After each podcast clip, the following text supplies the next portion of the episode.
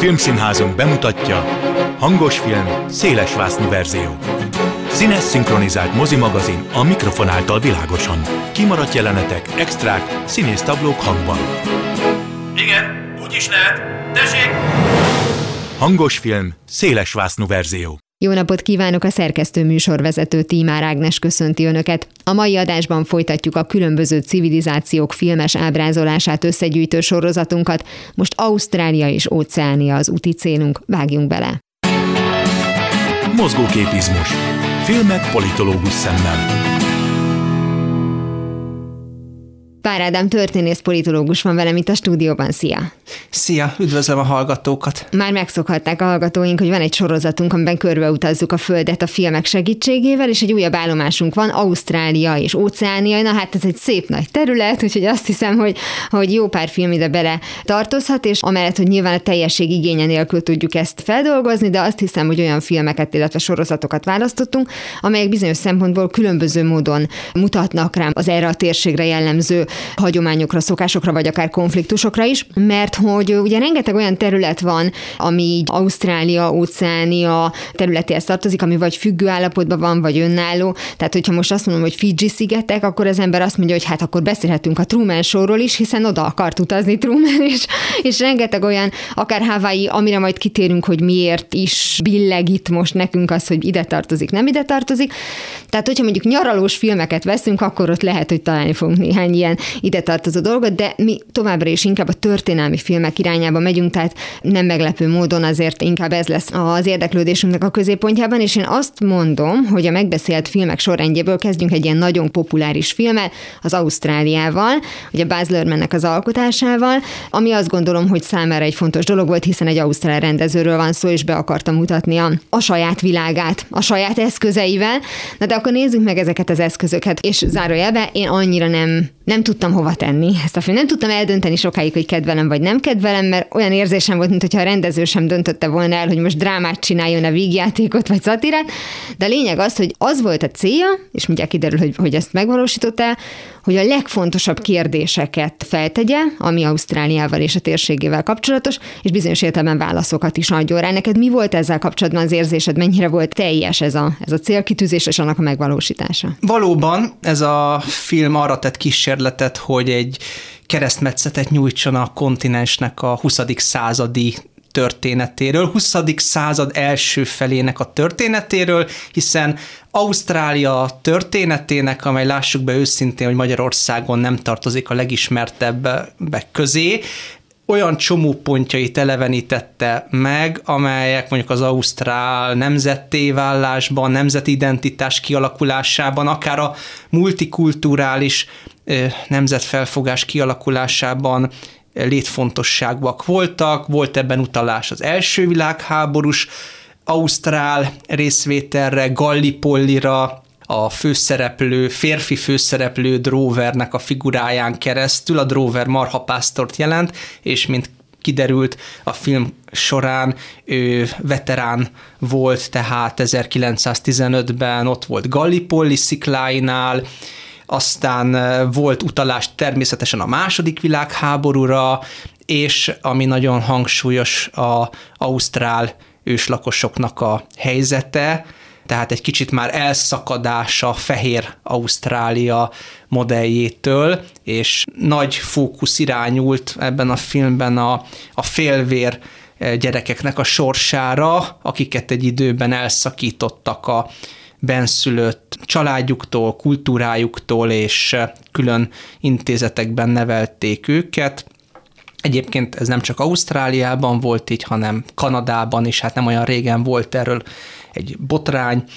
Szóval, hogy mindezt igyekezett a rendező belezsúfolni, és ami még egy adalék ehhez, hogy igyekezett bemutatni itt a marhabároknak az életét és egymás közötti harcait. Egyébként ugye a film végén pontosan azzal az egy mondattal is zárja, hogy az úgynevezett elrabolt generáció vagy nemzedéktől bocsánatot is kért ugye az éppen regnáló miniszterelnök. Most az évszámot nem fogom tudni megmondani, de a lényeg az, hogy... Valamikor a 90-es évek végén. Igen, és ezért... Elég későn. Igen, és hogy ezért is gondolt, hát egyrészt ugye nagyon későn, és hát nyilván ezért is volt fontos Lörmen számára, hogy ezt bemutassa, és azt hiszem, hogy talán nekem ezért is volt egy egy ilyen fura érzésem a filmmel kapcsolatban, mert én nagyon örültem volna neki, hogyha ez a nagyon fontos kérdés sokkal nagyobb hangsúlyt kap, miközben ez a film második felében merül föl. Azt is értem, hogy az elején szándékosan akarta mutatni, hogy minden ilyen nagyon hollywoodi filmbe való, és nagyon romantikus, és nagyon látványos, és aztán egyszer csak történik az élet, csak nekem valahogy ez ilyen kuszára sikerült. Igen, talán még ez abból is fakad, hogy ezt a filmet a grandiózussága és a díszletei, meg részben a konfliktusai okán előszeretette hasonlították az elfújta a szélhez, ami persze abban a tekintetben egy hamis párhuzam, hogy az elfújta a szél egy virtigli, konzervatív, sőt mondhatni, hogy már a maga korában is eléggé reakciós alkotás, és nem csupán a rabszolgasság miatt, de hát ezt már egyszer kitárgyaltuk ebben a műsor folyamban, még ugye ez a film kifejezetten egy, hát nevezzük úgy, hogy liberális vagy szociálisan érzékeny mondani valóval szolgál, hogy a pénz nem minden, meg a nagy birtok, hanem rádöbben a Angliából érkezett arisztokrata nő, hogy nem minden ausztrál fehér ember vadember, meg nem minden ausztrál benszülött, még a vadembernél is alacsonyabb rendű, rájött a dróver is, hogy nem minden a kemény ököl, meg a hóvégi fizetség, és tulajdonképpen van egy ilyen nagy lelkiismereti elszámolás az ausztrál őslakosságnak a helyzetével. Tehát ebben a tekintetben nagyon más alkotás, mint, a, mint az elfújta a szél, de tény és való, hogy akik ezt a kritikát megfogalmazták, azoknak is van igazságuk, mert az eleje ilyen nagyon lassan, nagyon lassan vezetődik fel a történetnek, tehát nagyon lassacskán jutunk el oda, hogy, hogy beindulnak ezek az emberi folyamatok, amikor is közel kerül egymáshoz ez a három ember, az arisztokrata hölgy, a dróver és a félvér kisfiút, gyakorlatilag a filmnek a, a közepétől, és van benne egy, egy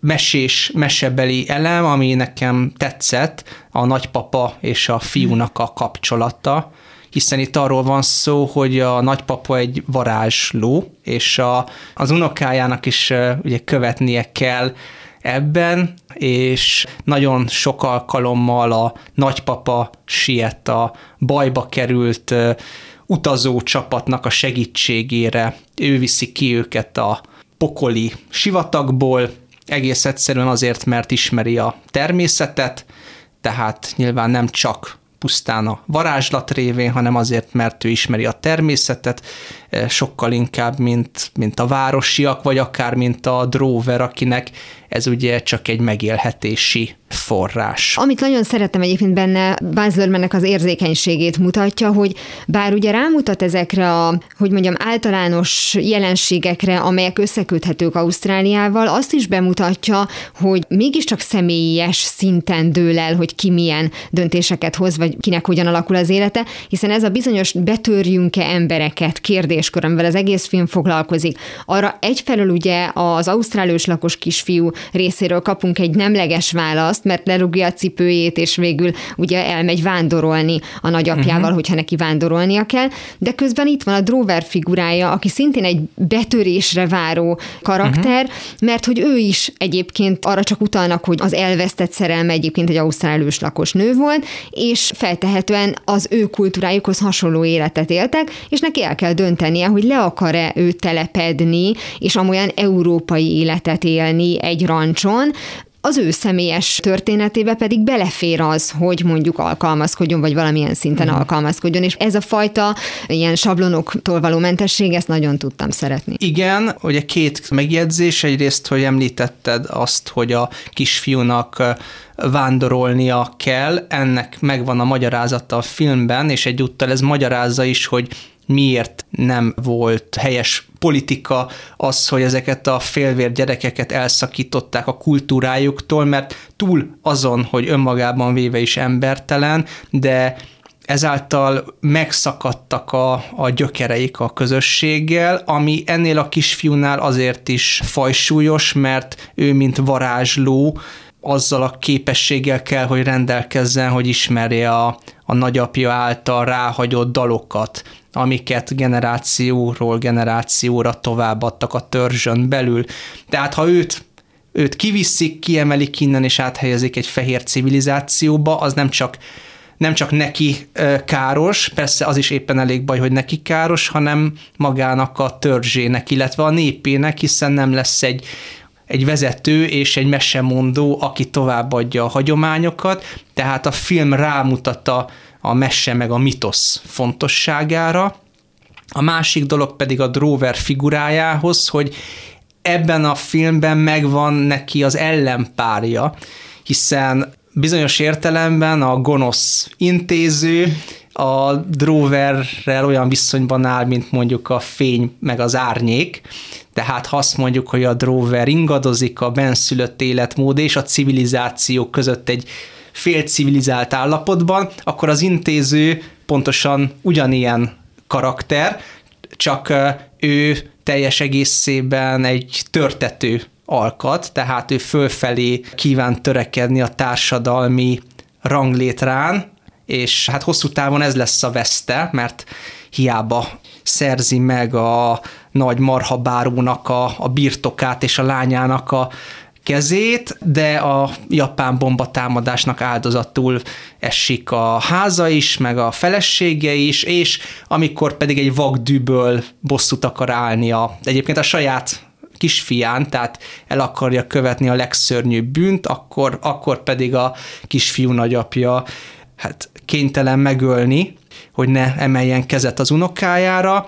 Szóval a, a Drover egyre inkább ugye megszelidül, hogy így mondjuk, még, még ez az intéző pedig éppen a másik utat járja be, tehát ő is ebben a fél civilizált állapotban van, de őt már a pénz meg a haszonlesés elvakítja az a fajta patriotizmus, aminek a mentén ugye készítette ezt a filmet Baz Luhrmann, az abban is megtalálható, hogy minden színésze, ugye Ausztrál, Így hát van. a többségük már ugye Hollywoodban él és dolgozik, de ugye akár mondjuk Brian Brown, bár ő mondjuk speciál pont Ausztráliában él, vagy az említett gonosz szereplő, uh-huh. ugye Ben Mendelsohn, de hát a két főszereplő is ugye Hugh Jackman és Nicole Kidman, és ha már Nicole Kidman, első filmjeinek egyikét, bár a legtöbben ugye a, a BMX banditákban láthatták, akár uh-huh. gyerekkorában, de lehet, hogy mégiscsak sokkal többen látták az Ausztrál Express című sorozatban, amelyel időben visszábugrunk, hiszen ez az 1800-as évek közepe, ahol nem az a misszió volt az alkotók részéről, hogy már pedig mi csak ausztrál színészekkel mm. forgatunk, hanem ez, ez volt a legegyszerűbb, mert hogy Ausztráliában forgatták ugye a, a sorozatot.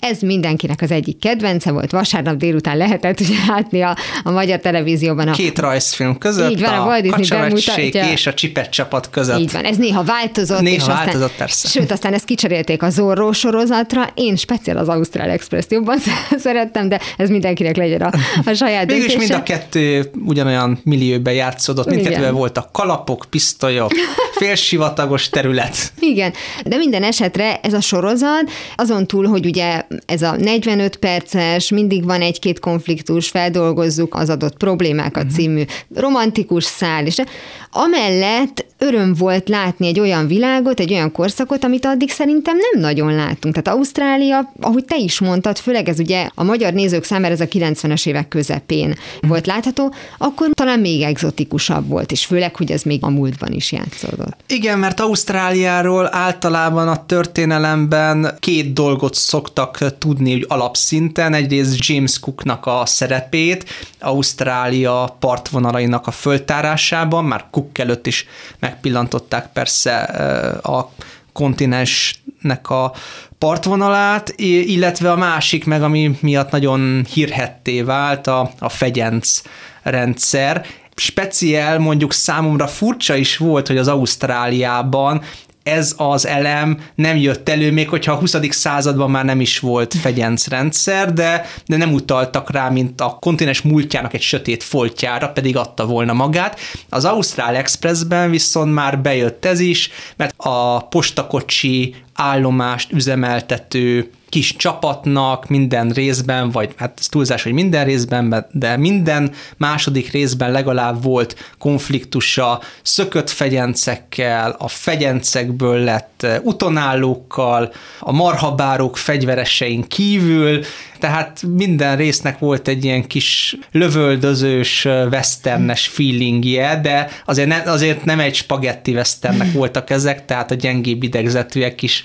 nyugodtan megnézhetik, akik nem látták, látták, és volt benne érzelem, volt benne meseszerűség, és ez is a maga módján, a maga hát líraibb módján egy áttekintést adott a kontinensnek a történetéről. Végül is ugyanazt láttuk, mint az Ausztráliában, csak az Ausztráliában már a folyamat végpontját, uh-huh. hogy a kapitalizálódás és a polgáriasodás elkezd behatolni a kontinens belsejébe, a, a bozótba, ugye ahogyan hívták a vadont, és ennek a kapitalizálódásnak volt a jelképe itt a postakocsi, meg hát tulajdonképpen a kapitalizmusnak fattyú gyermekeiként, vagy ilyen, ilyen vadhajtásaiként, de maguk törvényen kívüliek is, a, a banditák, szökött fegyencek, végül is ők, ők is egyfajta, hát bizonyos értelembe vett kultúrát hoztak a, a vadonba, csak ugye a postakocsi az mondjuk egy civilizált és törvénytisztelő kultúrát, nyilván a törvényen kívüliek meg egy, meg egy másik fajtáját, és ennek a kettőnek az áramlatai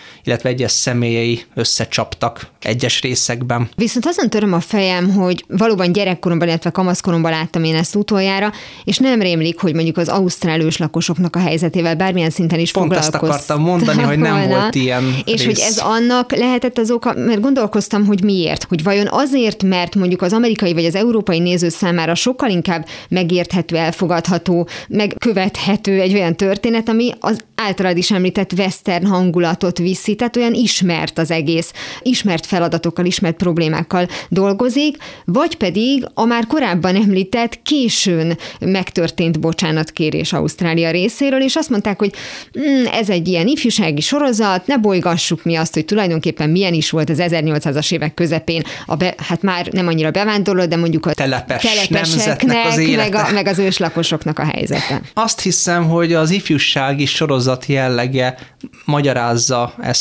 némileg, meg ez a sorozat már tényleg a, a betelepült és félig meddig már civilizálódó, kapitalizálódó Ausztráliát igyekezett ábrázolni, de még nem azt a fajta időszakot, mikor kialakulnak a belgiumnyi nagybirtokok, rajta több ezer vagy tízezer szarvasmarhával, hanem még azt az időszakot, mikor mindenki szabadon jöhetett, mehetett és föltörhetett magának egy földecskét, tehát ezt a, ezt a sajátos telepes kapitalizmust, vagy pionír kapitalizmust ábrázolták.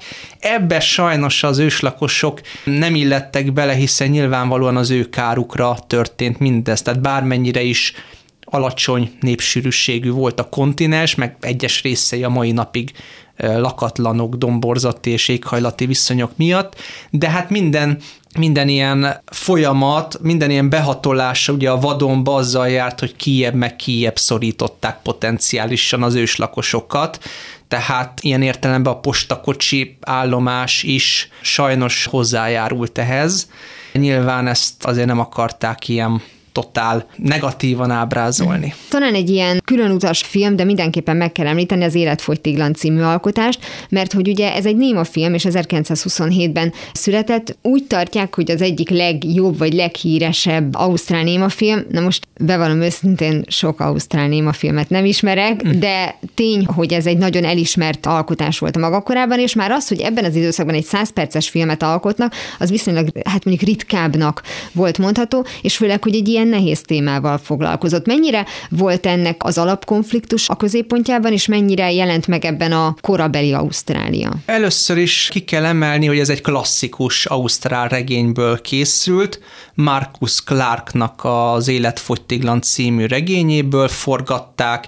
Clark volt az első olyan író, akire azt mondja az irodalomtudomány, hogy, hogy az ausztrál író, tehát nem Nagy-Britanniából importált stílusokkal, meg eszmékkel dolgozott, hanem megpróbált egy igazi ausztrál témát egyénileg elmesélni, és a fegyencrendszer hozzátartozott a kontinens történetéhez 1788 és 1854 között. 160 ezer fegyenc fordult meg Ausztráliában, ezek között volt egyébként rengeteg nő is, meg voltak köztörvényes bűnözők is, voltak politikai foglyok is, voltak ír rebellisek is, kanadai, francia felkelők, tehát mindenféle okból lehetett Ausztráliába kerülni, és mielőtt még rátérnék a filmre, csak egy érdekességet hadd mondjak el, ami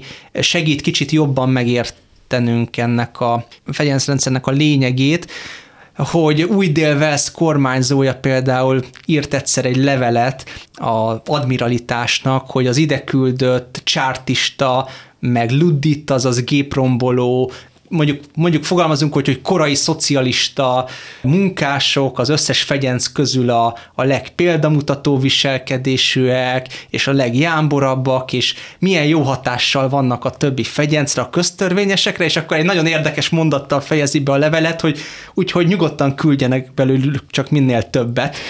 e, szóval ez azért azt gondolom sok mindent elárul a korakapitalista Angliáról és akkor a maga a film meg a regény előterében egy arisztokrata férfi áll, akit ártatlanul megvádolnak.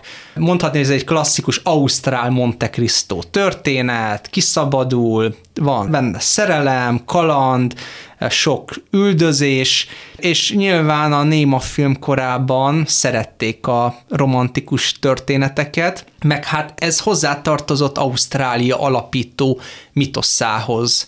Mellesleg hozzáteszem, hogy, hogy Magyarországon is a 18. század közepén a Temesköz töröktől visszafoglalt területének a benépesítésében maximálisan igénybe vettek. Ausztriából toloncolt fegyenceket is, sőt porosz hadifoglyokat is, tehát mondjuk a magyar történelemtől sem teljesen idegen ez a rendszer, de hát Ausztráliához meg aztán végképp hozzá tartozott, van is az a klasszikus vicc, hogy minden ausztrál azt mondja, hogy az ő felmenője börtönőr volt, és akkor felmerül a kérdés, hogy kire vigyáztak. Persze ez a vicc, ez nagyon bornírt, mert azért utána is a fegyencrendszer eltörlése után is, sőt már működése alatt is érkeztek szabad telepesek, de hát szeretik kicukkolni az ausztrálokat. Na most ez a film, illetve történet egy keresztmetszetet adott ennek a fegyencrendszernek a működéséről, tehát valós elemeket kiemelt, és bemutatott mesés mozgóképes formában, tehát bemutatta a szökési kísérleteket, a lázadási kísérleteket, amelyekből egyébként nem volt olyan sok, a kannibalizmust, hiszen nagyon sokan, akiknek sikerült elmenekülni, a nyílt tengeren hánykolódva erre vetemettek, hogy fölfalták életben maradás céljából a a fegyenctársaikat, bemutatta az őröknek a kegyetlenségét, és mindezt egy romantikus formában, tehát a romantika révén kicsit oldva a feszültséget. Megjegyzem, hogy ebből a történetből 1983-ban készült egy minisorozat, tehát az ausztrálok többször visszatértek ehhez a témához. És tulajdonképpen ők úgy hivatkoznak erre a történetre, mint, mint mondjuk a franciák Victor Hugo-nak a, a nyomorultakjára, vagy a, vagy a Monte Cristo grófiára, mert végül is a történet alapvonása az ugyanaz, hogy van egy,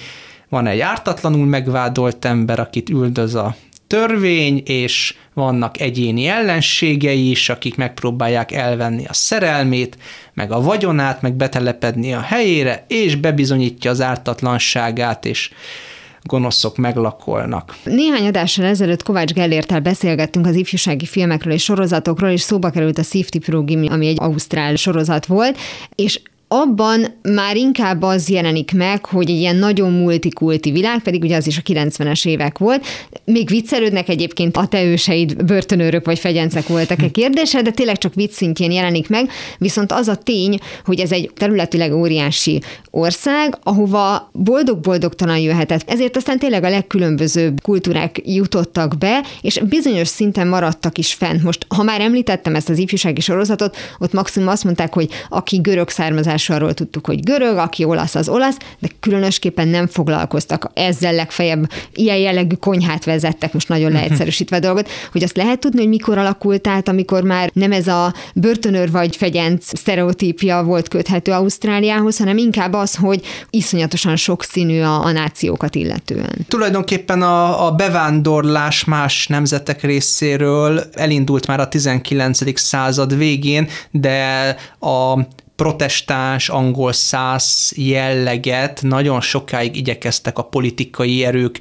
megőrizni. Most nyilván ez alól az ír katolikusok képeztek kivételt, nekik ugyanolyan rossz volt itt is, mint az anyaországban, de itt volt hová elmenni, mert a, ugye a kontinens belseje az szabad volt, ahogy említettük, a vadont így be lehetett népesíteni, de érkeztek németek, magyarok, ugye ázsiaiak, érkeztek a Polinész szigetekről is, tehát tulajdonképpen már a 20. század azt mondanám, hogy közepén már egy színes kontinens volt, csak ezt, ezt a politikai elit még nem nagyon tudatosította magában, és volt egy erősen rasszista fehér Ausztrália politika, amely azt gondolom, hogy az 1950-es évekig egy meghatározó politikai irányzat volt, és hát volt olyan ausztrál katona, aki azt nyilatkozta az első világháború után, mikor megjárta Egyiptomot, hogy hát hogy most, hogy látta, hogy milyen a keleti világ, most fogva az idegen ellenes pártra fog szavazni, hogy ez ne alakuljon itt ki. Szóval, hogy voltak ilyen rasszista felhangok, és ez valamikor a 60-as években oldódott fel végleg, amikor, ahogy a Safety Pro Gimi is utal rá, jöttek a görögök nagy számban, Egyébként nem csak a megélhetés reményében, hanem a akkori görög jobboldali diktatúra miatt is, de hát nagyon sokan már gyökeret vertek Ausztráliában, volt egy ázsiai bevándorlás már a 19. század közepétől kezdve, ezt látjuk az Ausztrália című filmben is, ahol van egy kínai szakács, Szóval a 60-as évektől kezd el mm. elindulni, és még beletellik még egy két évtizedben, amíg azt mondják, hogy mi multikulturális nemzet vagyunk. Pár Ádám történész politológussal a jövő héten folytatjuk filmes képzeletbeli utazásunkat Ausztráliába. Ez volt már a hangos film széles vásznú verzió. Legközelebb ismét szombaton délután fél kettőtől várom önöket. Természetesen a korábbi adásokat, ahogy a mait is hamarosan megtalálják archívumunkban, valamint podcastként. Kövessenek minket a Facebookon, és ha még nem tették, iratkozzanak fel YouTube csatornánkra. Köszönöm a figyelmüket, a szerkesztő műsorvezetőt Tímár Ágnest hallották. Viszont hallásra! Hangos film, széles verzió.